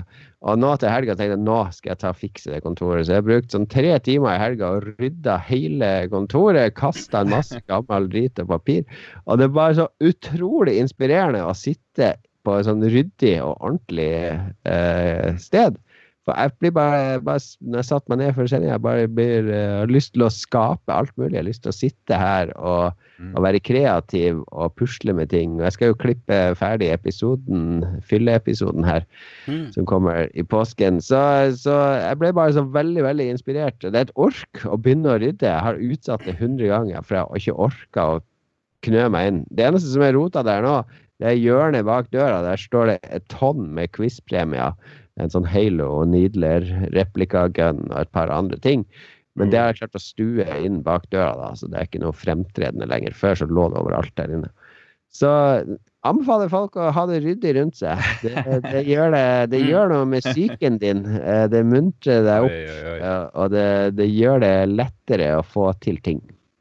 Veldig voksen og kjedelig anbefaling. Jeg er, jeg er helt enig. Kan jeg bare backe opp på akkurat det? For jeg har blitt superryddig både på arbeidspult og eh, på kjøkkenet. Når jeg står og lager mat, så har jeg begynt å jobbe sånn beinhardt med å holde det superryddig og rent hele fuckings tida. Så jeg fyller typisk en opp oppvaskmaskin tre ganger mens jeg står og lager mat og sånn. Og det er akkurat som Kat sier, det gjør noe med hodet ditt. Det, det, eh, det er noe som holder deg nede. Rod. Det, det holder ting eh, stressende og, og avledende og distraherende. Mer fokus og slapper mer av. Ja. Helt enig. Mm, mm, mm. Nest Lars, kjedeligst Ja, jeg kan ta ja. det nest kjedeligste. Det er, Jeg vil anbefale folk å dra på Scoop. Koster ganske mye penger, men hvis man klarer å lure seg dit, vis, så er det så Ja, men det handler om gravejournalistikk, og eh, noen, mange, mange Det var blant annet kurset om, eh, om, hvordan man gir ut bok eh, i uansett sjanger. da. Mm. Hvordan man liksom kommer veien dit. Og det var selvfølgelig mange, fordi det går så dårlig i, med finansene til journalister. Så veldig mange har heller lyst til å skrive bok, tydeligvis. Men det var også en haug masse interessante foredrag. Bl.a. en amerikansk eh, dude, eller engelsk dude, jeg husker ikke, som kom med en lang liste over sånne grusomme privatinvaderende forslag til programmer. Hvordan du kan overvåke andre lovlig. Og det å liksom grave frem kilder som, uh, som, ikke vil bli funnet. Så jeg har en sånn lang liste her over ting man kan prøves på. Spokeo, Caliber, Pipple, Stalkscan, Tweepsect, Follower Wonk. Uh, og masse ting. Du kan sjekke hvor folk er. Du kan pinge telefonene deres uten at folk finner ut det, for å finne ut hvilket land de er i, f.eks. Uh, du kan skape vill oversikt over nettverket til folk. Vi, han tok live på scenen og fant frem infoen til hun der LOL-dama som drepte han eh, ja, i Nord-Korea. Ja. Og kartla nettverket hennes live ved å sammenkjøre tweets og Facebook-ting og alt mulig rart. Så det utrolig mye rart du kan finne ut om folk, eh, selv om de har lukka eh, Facebook-profilen sin, for de andre vil også lenke til det, og som har åpne Facebook-profiler osv. Så, videre. så det var litt skummelt og veldig fascinerende. Eh, og så Fjorårets Scoop-vinner, tror jeg var, en eh, journalist som heter Kristoffer Egeberg fra Dagbladet, som lagde sak om Nigeria-båtene, masse båter som ble solgt uh, ulovlig fra Norge, og etter hvert havna opp uh, militærutstyr fra Norge som havna i litt sånne land man ikke skal selge våpen til. Hvordan han gjorde det. Sykt mye detektivvirksomhet. Superinteressant. Så ja. verktøyene han brukte for å finne ut av det. Og det gjorde han liksom ved siden av fast jobb ellers. da. også Han satt på vakt ikke sant, på Dagbladet. Ja, ja, får nå jobbe litt videre med den saken. Så den fikk han pris alene for. Det er vel eh, en av de få som gjør sånt. Eh, og en siste du, ting Ble du inspirert? Veldig, veldig. Spørsmålet Nå når du kommer og skal skrive om en sånn der uh, ny kjøttdeig på Rema i morgen, uh, ja. så ja. Sitter du og pinger den der andefamilien, så sjekker om de har syv unger ennå? er det noe graving i Harstad-Tine? Hva, er det siste dere gravde fram? Eh, vi hadde en journalist der, en som jobber 50% stilling, men han graver stort sett. Han som lager liksom kritiske ting om kommunen og mye rart. Egentlig mest han. Og han har hatt foredrag på Scoop og fått mye skryt. Så uh, det skjer også mye bra i små redaksjoner, men de har jo selvfølgelig mye mindre uh, ressurser da, og får mindre oppmerksomhet. Uh, siste jeg vil nevne, som jeg tenkte jeg skulle lime inn, for jeg tok opp lyd fra de her foredragene det var hvordan man avslørte en sånn her israelsk etter, etterretningsoffiser, jeg sier i gåseøya etterretningsoffiser, som klarte å lure masse store israelske aviser, Aftenposten, med å, til å tro at han ble spytta på på gata i Oslo sånt, fordi han var jøde. og Det ble svær oppvask, fordi det var jo bare dikta opp. og Hvordan de spora opp han der fyren. da, kun med sånne små, bitte små eh, informasjoner han kom om seg sjøl i intervjuene. Han sa ja, han hadde rottweiler, og så begynte de med det. Hvem er det som har en sånn stor rottweiler? Så sa han òg hvor han gikk og lufta en hund, og så klarte de bare ved de små informasjonene å spore og finne den der eh, svindleren. Eh, så jeg tenkte jeg skulle lime på det i slutten av podkasten, hvor det er sånn detektivroman. Eh, ja, det er kjempegøy. Det er ja, veldig, veldig kult. Så yes, dra på Scoop, uh, for guds skyld. Hun har lov å anbefale hva du vil. Eller les, les referater fra Scoop, i hvert fall. Ja, ja. Følg med. Alle Magnus... ligger åpent fra, fra, det som er nominert der, for ja. god gravejournalistikk. Magnus, du har hørt på noe musikk? Noe støyrock? Piggtrådmusikk? Det er eh, Favorittbandet mitt de siste årene har vært eh, Mastodon. Det har jeg vel aldri lagt så veldig mye skjul på. De gir ut eh, album ca. annethvert år. Nå har de sluppet nytt album som heter Emperor of Sand. Dødsbra album. Um, det som er veldig kult med uh, Altså, Mastodon er starta ut som et veldig, veldig hardt uh, sånn sludge metal-band, og har bare utvikla og utvikla og utvikla seg. Uh, de er et av de få bandene som finnes igjen, som, som fremdeles gir ut disse her temaalbumene. Ikke sant? For det, nå lever vi jo i en tid hvor album ikke eksisterer lenger. ikke sant? Folk sitter og hører på enkeltlåter på Spotify. Og det er veldig få som har for, uh, et forhold til album lenger. Og det er det, det, er det kule Mastodon gjør, at de, de, tar ofte for seg et tema som de altså bearbeider gjennom et helt album. Låtene henger sammen ofte, og, og tekstene har liksom en litt sånn felles uh, greie, da. Uh, I det nyeste albumet så er det jo uh, Det er jo ikke akkurat uh, hyggelig, men kona til den ene har kreft, og mora til den andre døde av kreft. Så de har De har på en måte uh, bearbeida åssen de har takla seg gjennom denne perioden, og åssen de har det og sånne ting. Har de gått gjennom gjennom disse låtene. Både gjennom veldig abstrakte tekster og veldig variert musikk. de beveger seg gjennom alt fra Nå er de på sånn streit uh, type sånn Queens of the Stone Age-rock til prog til ordentlig metal. Um, de har en sånn fast ting med Og dette er favorittbandet mitt fra videregående, Neurosis. Den ene vokalisten der, Scott Kelly, er alltid med på albumet de sitt, så uh, det er jo alltid et høydepunkt òg. Uh, eh, det er dritbra. Og det kule, hver gang Mastodon slipper ei skive, så er det sånn at du alltid er Eller jeg, i hvert fall, når jeg hører de, så blir jeg alltid litt skuffa. Og så hører jeg gjennom det en gang til, og så en gang til, og så bare vokser platene så ekstremt i kvalitet. Helt til jeg ikke har lyst til å høre på noe annet. Jeg, altså, Plata ble sluppet for to dager siden, tror jeg. Jeg tror jeg har hørt gjennom plata kanskje 20-30 ganger. Han går liksom på non-stop hjemme i stua. Så det er Mastodon, Emperor of Sand, anbefales varmt. Det høres ut som hjelmasking å høre på Jeg har hørt på en ti timer hver dag da, siden den kom, hvis du har hørt Nei, den 30 ganger. Det er noe som Nei, jeg, jeg tror ikke plata er en time engang. Det var i 51 minutter, ser jeg ja. her på Wikipedia. Så hvis ja, tre dager er det vel siden. Ja, ja. ja. ja. Men, men ja. Eh, det, det, som er greia All den beste musikken jeg har hørt på, har vært uh, lite tilgjengelig. Lite sånn umiddelbar appell. Alltid noe som ligger der, men du er nødt til å plukke opp. Må sitte med øretelefoner om. Må sitte og ja, plukke opp detaljene. Det, det jeg stiller spørsmål med, går det an å gjøre det så fort? da? Fordi For meg så har sånne plater ofte tatt mange måneder før jeg har begynt å like de, selv om jeg har prøvd å høre på de ganske hyppig. Fordi det må modnes inni meg på en måte. Ja, jeg, jeg klarer ikke å høre på noe som jeg syns det her er middelmådig så hører jeg på det fem ganger på rad, og da tror ikke jeg klarer å, å bearbeide den plata. Så kanskje du har et annet musikalsk hjerne enn meg, rett og slett. Eh, men uh, det, uh, dette er vel syvende albumet ditt, eller noe? Du begynner etter hvert å ta språket til bandet litt, så det går kjappere hver gang, på en måte, hvis du skjønner uh, hvor jeg vil. Ja. Ja, ja, ja. Jeg skjønner hvor du vil. Kreftrock anbefales varmt av, eh, av, Magnus. Jeg var på kreft, eh, Rock mot kreft faktisk tidligere i år. Det var ikke noe mastodon der. Så så seriøs var de med den saken. Ja, de driter i det. Ja, ja, ja. Men eh, Cato, vi savner en anbefaling fra vår gjest. Ja. Kan jeg komme med to? Mm, ja, ja, ja, ja, ja. Så lenge det er helhjerta uh, anbefalinger. Ja, det er helhjertet anbefaling. Um, som dere alle vet, spesielt Lars, så er uh, Mass Effect Andromeda det er en kalkun. Uh, mm.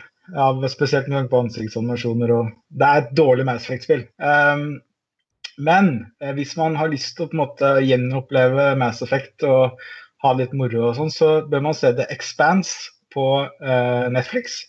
Det er en mm. science fiction-serie som er helt fantastisk bra. Den gir seriøse Mass Effect-vibber.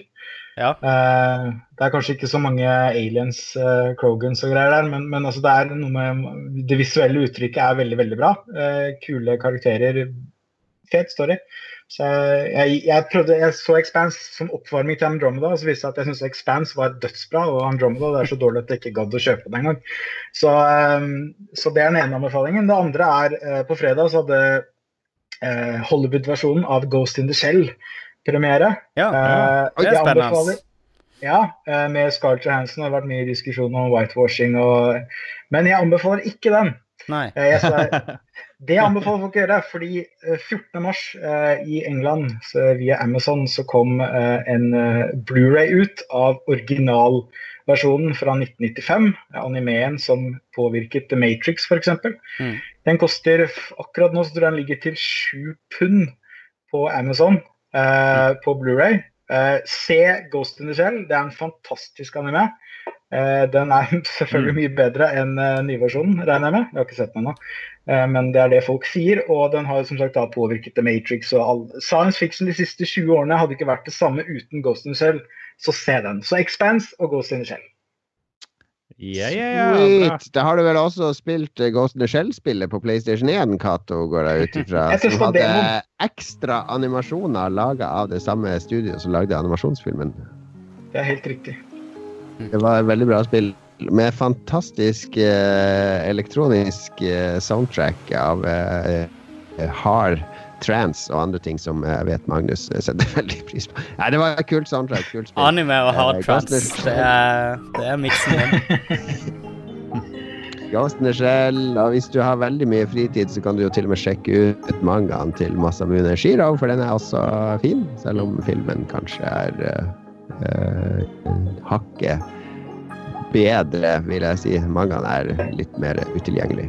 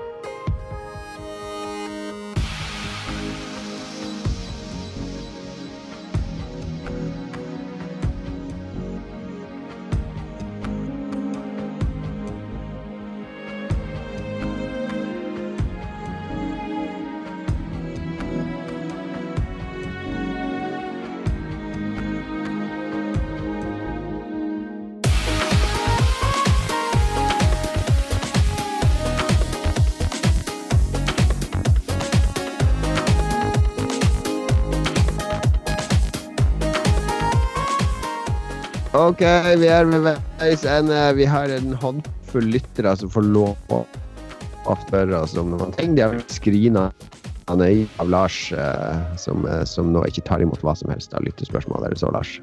Adrian Haugen fra Erna hadde første offisielle spørsmålet. Eh, sliter vi med å komme i gang med nye spill? Um, det siste året virker det som et ork å starte med et nytt spill. Et eksempel er nye Zelda.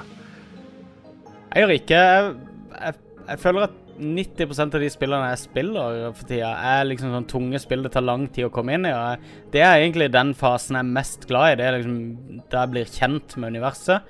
Og etter hvert når jeg bygger meg opp og opp og opp. Men etter hvert når du kommer liksom over den kneika der, og du er mye sterkere mm. enn spillverden, der jeg begynner å komme i Selda nå, føler jeg, i hvert fall i store deler av kartet, så er jeg liksom Supermann.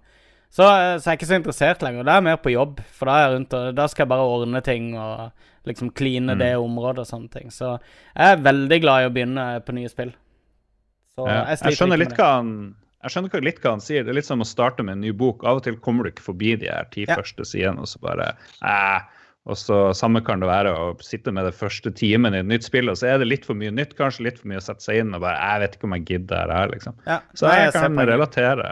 Ja, kan det. Men det er vel også det at det har kommet så veldig mange gode spill de siste. Altså jeg har uh, f.eks. Dishonored 2, det ligger i Stack of Shame. Ja, det, samme her. Jeg, jeg, på en måte ikke jeg, jeg, har det, men jeg har ikke begynt å spille det fordi det har vært så mye annet. Mm. Uh, og som du sier at når det kom ut, så var jeg dypt inne i Overwatch, var det vel. Eh, på det tidspunktet. Da, så, så liksom det, ja, det, når det kommer veldig gode spill, som ternekast eh, seks, og sånn, så er, føler man på en måte at ja, dette må jeg prøve. Mm. Og så sitter man allikevel og spiller Overwatch. Eh, så, så, ja, det ligger der, men, men det, er, det, er, vel med at det er så mange spill. da. Uh, spesielt nå i mars, og sånn har det vært helt crazy. Så. Uh, Rolf Helge uh, Øvergård Ingebrigtsen lurer på eller annet spørsmål til Magnus konkret. da. Hva er den beste emulsjonssausen? beste emulsjonssausen? Uh, jeg har selvfølgelig Barmix håndmikser som er dødsbra til å lage emulsjoner med. Hva er emulsjon? Hva er emulsjon? Det er når det er også svaret mitt. Min favoritt-emulsjonssaus er majones. Uh, det er når du blander sammen uh, fuktigheten Majones er ikke noe saus? Jo, det er en kald saus. Mm. Interessant. det er det. Uh, og du kan lage majones på Men du må jo ikke drikke en saus med en skje. Nei, det må du ikke. Emulsjoner er, emulsjoner er stort sett ganske faste. Altså Ja, sånn funker det i hvert fall. En, en ordentlig bearnés er heller ikke flytende. Det er bare den posesausen. Um, eller i hvert fall Jeg er i hvert fall veldig glad i tykk bearnés. Men, men, det som er kult med majones, er at du kan variere den på så utrolig mange måter. Du kan f.eks. i stedet for å bruke fett, så bruker du Eller i stedet for å bruke olje, så kan du bruke baconfett. Det har jeg gjort en gang. Uh, og da får du baconmajones, og det er så sykt godt. Uh, det anbefaler jeg veldig. Og du kan prøve med, med kyllingfett og alt mulig. Så nei, majones, det enkle er ofte det beste. Kult å, uh, å leke med den grunnoppskriften der, i hvert fall. Mitt svar. Ja, ja. Da vet jeg, Neste gang jeg har kjøttkake, så skal jeg bytte ut brunsausen med majones, som også er en saus. ja, så det, det er kjøttkake med majones. Ketchup er også en saus, Jon Cato. Vi kan jo gå rundt på jobben når folk tar majones på brødskiva. Altså, hvorfor har du saus på brødskiva? Det er jo Nederlenderen spiser vel majones til uh, french fries, gjør de ikke? Pommes frites. Ja, det, er jo, det, det, er jo det beste i mm. verden. Det er mye bedre enn ketsjup. Ja. Det er jeg enig i. det, er jo, eh, det skal jeg spise nå i, i påsken, håper jeg. Blåskjell med, med pommes frites og majones. Det er godt, altså. Uh, Anders Berge spør om det blir noe Let's Play på Thimbleweed Park, Monkey Island 3, Dave the Tentacle og Full Throttle i sommer og sier til meg at jeg begynner å få en, eh, en real backlog nå. Ja, for det er jo titler du har ikke lova ja. play på. Så for det, det at jeg sparer, jeg sparer Thimbleweed, Thimbleweed Park sparer til jeg skal ut og reise. Uh, Monkey Island 3 uh, runda jeg bare på, et, uh, på en dag eller to. Uh, men Bra stream. Hva sier du? Jo, jeg kunne ha streama det. Jeg kunne ha streama det. Uh, uh, grunnen til at jeg ikke har streama Deod Tentacle ennå, har bare vært andre eierskylda med full pekefinger rundt meg. Uh, de jeg i utgangspunktet har planlagt å streame det sammen med, for jeg tenkte det er litt interessant da, hvis vi skal sitte sammen i 7-8 timer. Og hun kan spille, jeg, jeg, jeg, jeg, i det hele tatt i um, jeg lover at jeg skal få streama både Deod Tentacle og Full Throttle. Jeg foreslår under den i klippen, Lars, under den forklaringen, så bare øker du pitchen, så blir det jeg lover. Ja, ikke sant. Nei, men det er forklaringa. Jeg tar ikke jeg skal, Det er selvfølgelig Jeg har sagt det ganske lenge at jeg skal streame de spillene nå, men det har vært umulig å komme i kontakt med de jeg har. Før vi ikke streamer bare, bare begynnelsen av et spill. Jeg vil jo streame gjennom det i så fall. Kan, kan jeg stille et spørsmål? Jeg har lurt på en ting.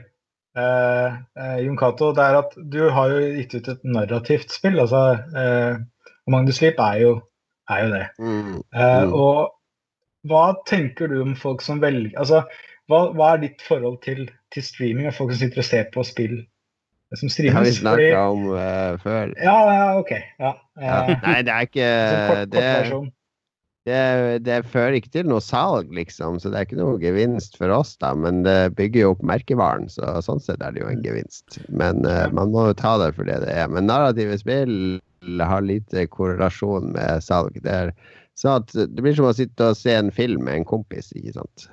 Jeg tenkte du sa det i stad at Persona 5 har jo sagt at uh, det, det, her går ikke an å Ja, de har disabla alt, uh, og det mm. er uh, det står de jo fritt Eller du kan jo fortsatt streame Persona 5 gjennom en Elgato ja, eller en Ja, men de sier det kan fort bli content strike og ditt og datt og sånt, så de vil oppdage det. Ja, da gidder jo ikke de store streamerne å streame, for da får de ikke penger for det. Men så, ofte så har du jo, men, i, ja. i, forkant av lanseringer, så har du jo ofte at de gigastore streamerne at de spiller et par timer fra spillet. Og det vil jeg tro genererer litt salg. At det er bare en liten sånn teaser. Ja.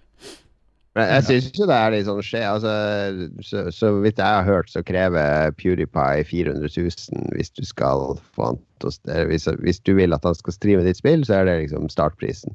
Og jeg syns jo det er jo motsatt, da, fordi Eller på en måte, fordi han, han, bruker jo andre sitt innhold. Det er jo som om han skulle spille musikken til noen, eller lese boka til noen, eller vise en film, og sitte og snakke litt over filmen. Han, det er jo litt sånn at, at hvis det ikke fører til salg av produktet, så, eller hvis du betaler for det som reklame Jeg vet ikke. Jeg, det, litt som å spille, jo... spille plater i radioen i gamle dager, kanskje? Ja, da, går, da henter Tono inn penger, og så får du som har laga musikken, faktisk eh, penger for at den blir spilt på radio. Så det, jeg, jeg kunne godt tenke meg Det er jo noen sånne Magnus the Sleep-videoer som har 10 millioner views, og vi har 300 000 salg, så de står ikke i relasjon til hverandre. Ja, men det er ti, Når ble spillet sluppet, da? Det er 10 millioner over hva, sånn fem år? Uh, ja, men det er ikke så mange som har er, De fleste viewsene kommer jo ganske tidlig ja. når de legger ut ny video. Men uh, ja, nei, det, det, er, det, er, noe Jeg vet at det er mange, eller flere i bransjen som mener at kanskje skal det være sånn at når han henter inn 50 000 dollar fra YouTube på en video av spillet ditt som vises 10 millioner ganger, kanskje noen prosent av det kunne gått tilbake til de som faktisk har laga innholdet som han sitter og streamer og hyler og skriker over. Men uh, jeg, ikke, jeg, har ikke noe sånn bastant mening der, da. Det kan vi fylle ei helt egen sending ja. uh, med. Det er et veldig stort tema egentlig å gå inn på. Er det ikke det nå på tampen? Jo. Ja, altså det er jo ingen som vil bli bad guy, bortsett fra personer folk som tør å, si fra. Men det er jo så mange som er redd for å bli stempla som bad guy ved å ja. si nei, du får ikke lov å streame og sånn. Skal vi se. Kristoffer Ghetto Boys Hansen Leistad spør eh, Cato, du kan få lov å være den som svarer på det her. Eh, for en som bare er casual online-gamer og ikke har tid til evinderlig farming, er det vits med Destiny da? Ja. Eh, jeg syns det. Eh, men kanskje, kanskje, ikke gå inn på Destiny 1 nå. Du kan godt sikkert vente til 2. Fordi det kommer sikkert til å være mye mer story. Uh, og nå er jo Destiny blitt veldig mye bedre enn det det var før. Men, mm. men uh, du kan spille altså jeg, Nå tenker jeg at jeg spiller Destiny casual. Um, selv om jeg spiller, spiller, mye. Så det er måten du spiller på. ikke sant? Jeg bryr meg ikke så mye om å raide og vi må rekke det og gjøre det. Det er mer sånn for hyggens skyld, for, for kos. Det er moro å spille. Mm. Så du kan absolutt spille Destiny casual. Og det er ikke noe press på at du må, må, gjøre alt, eller at du må få alle våpen og sånn. Altså, det bestemmer man jo selv, selvfølgelig. Men, uh, men nei, ja, du kan spille Destiny casual. Det kan du. Mm. Bra. Siste spørsmål. Yes, siste spørsmål er fra Marius Krynan. Hvilke gamle spill, uansett plattform, fortjener en remake i 2017? Det er jo et spørsmål vi får ofte, så kanskje vi skal sende det videre til Cato òg, det spørsmålet. Vi har jo jeg, kan svare, jeg kan svare på vegne av meg og Lars med en gang. Expilot. Ja. Cato, uh, ja. hvilket gammelt spill fortjener en remake i 2017? Det var et godt spørsmål. Um, jeg holdt på å si full throttle, men det kom jo i april. Tenk på på PlayStation. Det var et, spill jeg spilte en del uh, way back, som het G-Police. Ja. Uh, hvor du ja, fløy rundt i, på helikopter uh, i sånn Blade Runner-landskap uh, på nattestid. og det, det, så ut som grøt. og det, altså, det var ikke så pent i dag. Men hvis de hadde fått en remake med dagens grafikk, så mm. tror jeg faktisk G-Police hadde vært et kult, kult visuelt spill. Det kunne blitt noe.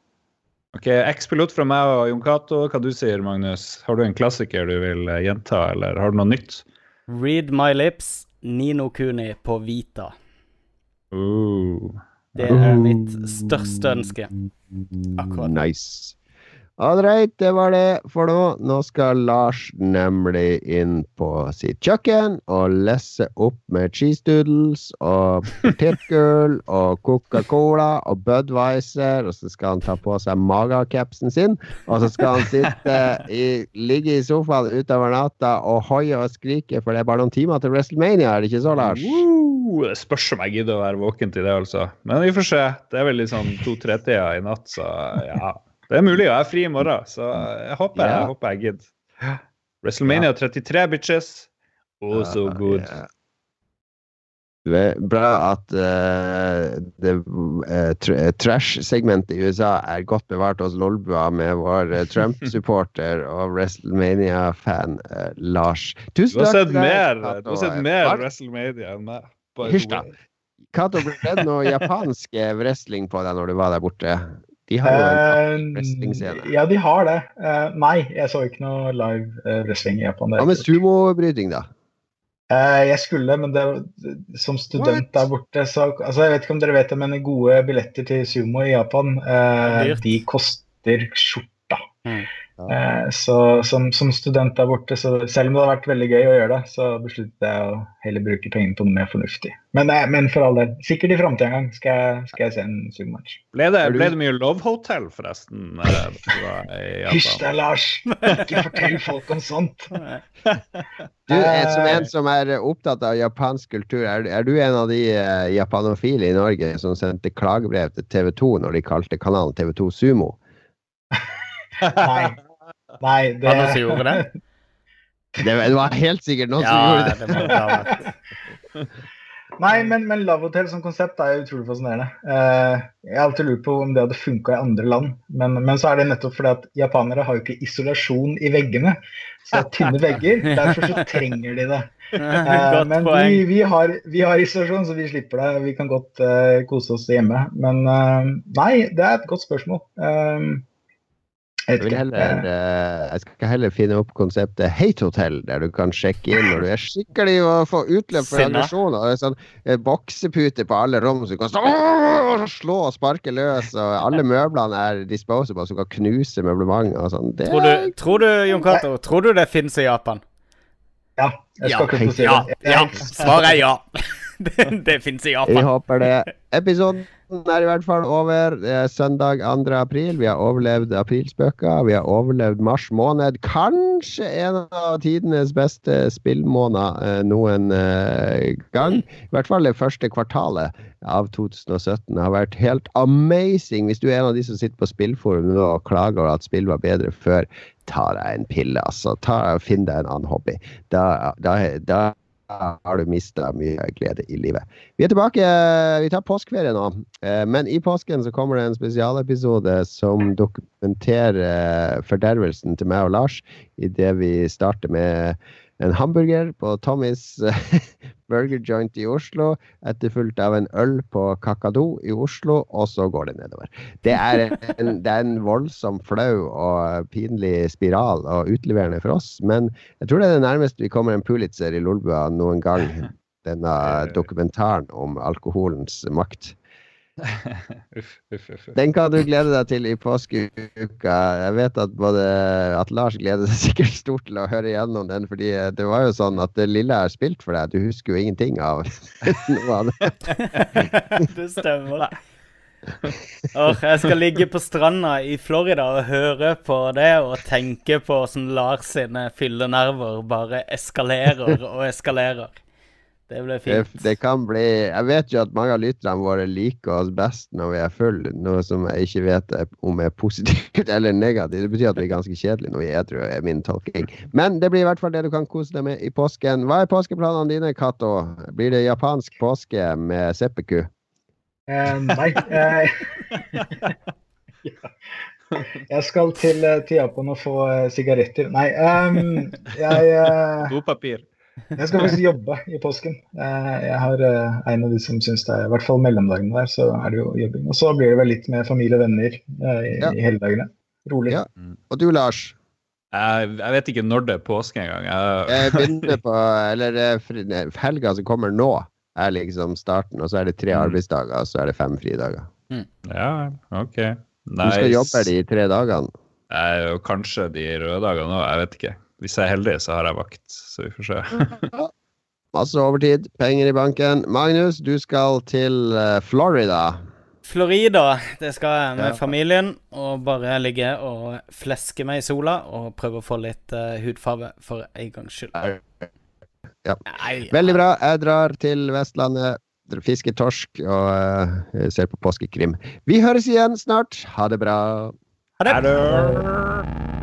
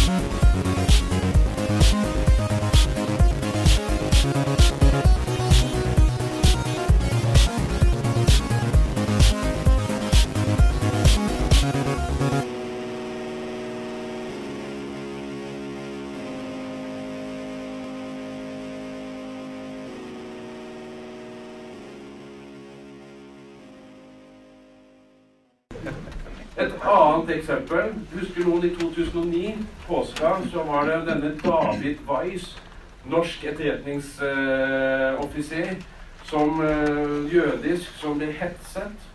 Svære oppslag i Jerusalem Post, som igjen da uh, smittet over til Aftenposten og, og sikkert VG og Dagbladet og stort sett alle mediene i Norge, NTB og sånne ting. For det var ganske betent den gangen. Vi hadde de demonstrasjonene og, og sånne ting. Men dette var da en norsk etterretningsoffiser David Weiss, som gikk og fortalte hvor forferdelig det var å være jøde i Norge. Og hvordan han ble spyttet på eh, når han gikk eh, på gaten med davidsstjerne, og hvor, hvor, ille det var. Jeg aner ikke hvordan det er å være eh, minoritet i Norge. Og det var egentlig ikke jeg så veldig opptatt av heller, men det jeg reagerte veldig på her, var at jeg kjenner folk i E-tjenesten Norge, og etter at jeg fikk iPhone, så snakker de ikke med meg engang. For jeg ikke kan dele og ta ut batterier og sånne ting, for det er jeg veldig opptatt av.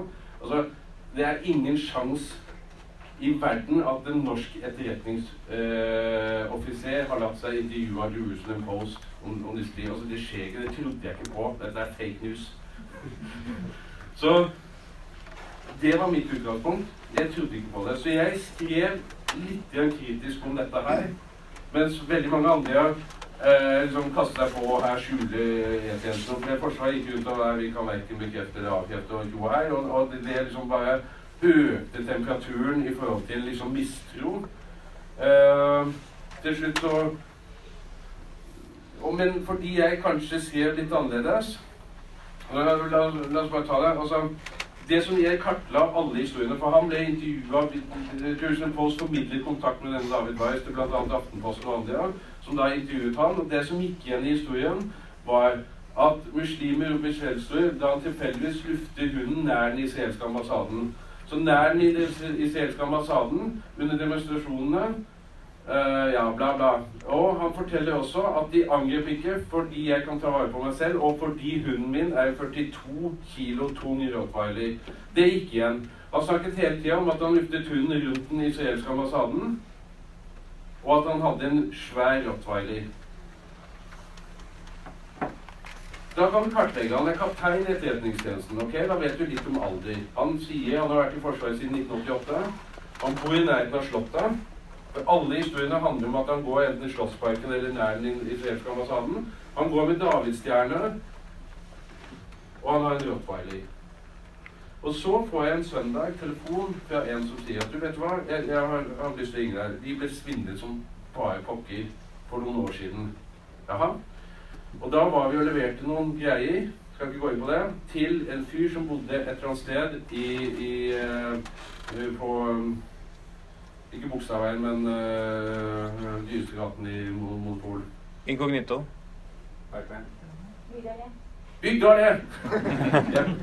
I Bygdalé. Der leverte de. Jeg tror han bodde over en, bodde over en gullsmed i Bygdalé.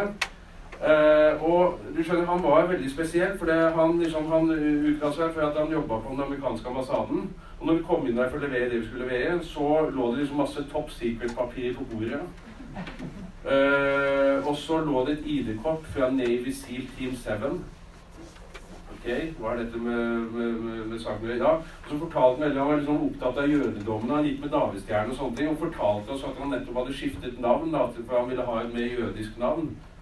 Ok, det er jo spesielt å si, men ok. Men hva har dette med saken? Det er et par år siden, og sånne ting, og, og det er liksom ikke noe.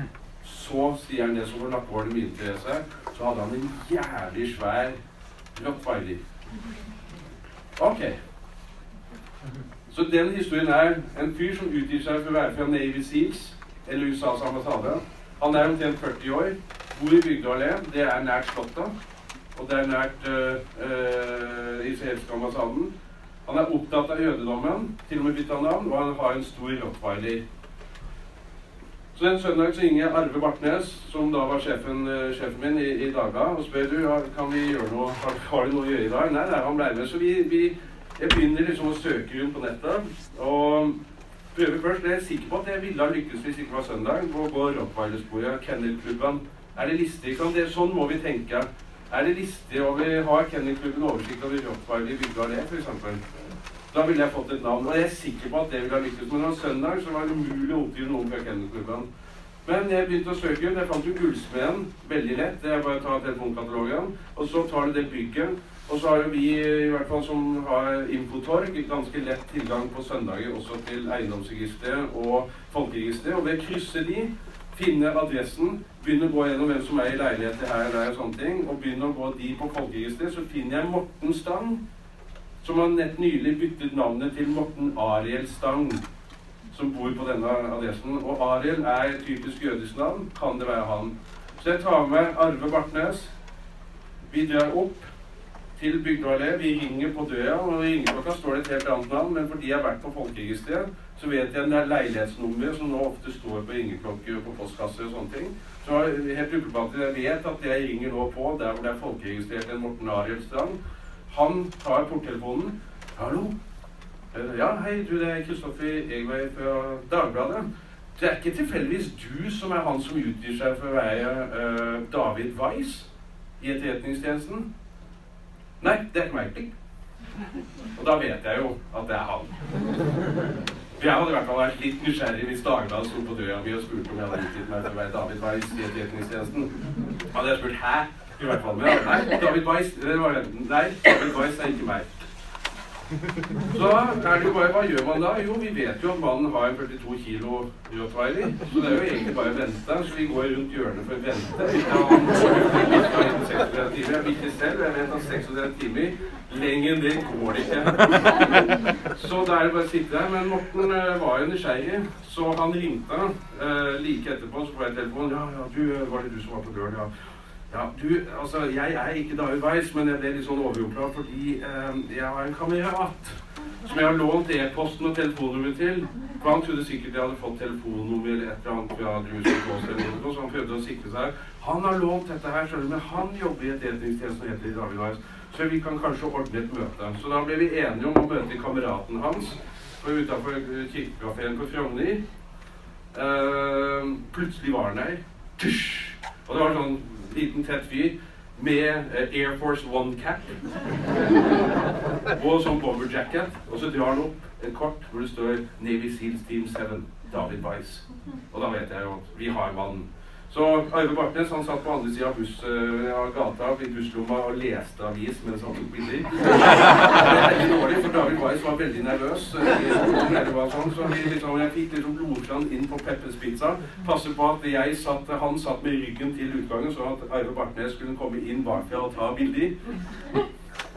Og dermed så hadde vi, kunne vi avsløre den falske agenten David Weiss. Dette er inn på Peppers Pizza.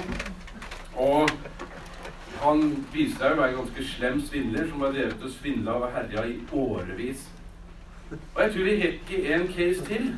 Har du et enkeltpersonforetak eller en liten bedrift? Da er du sikkert lei av å høre meg snakke om hvor enkelt det er med kvitteringer og bilag i fiken, så vi eh, gir oss her, vi. Fordi vi liker enkelt. Fiken superenkelt regnskap.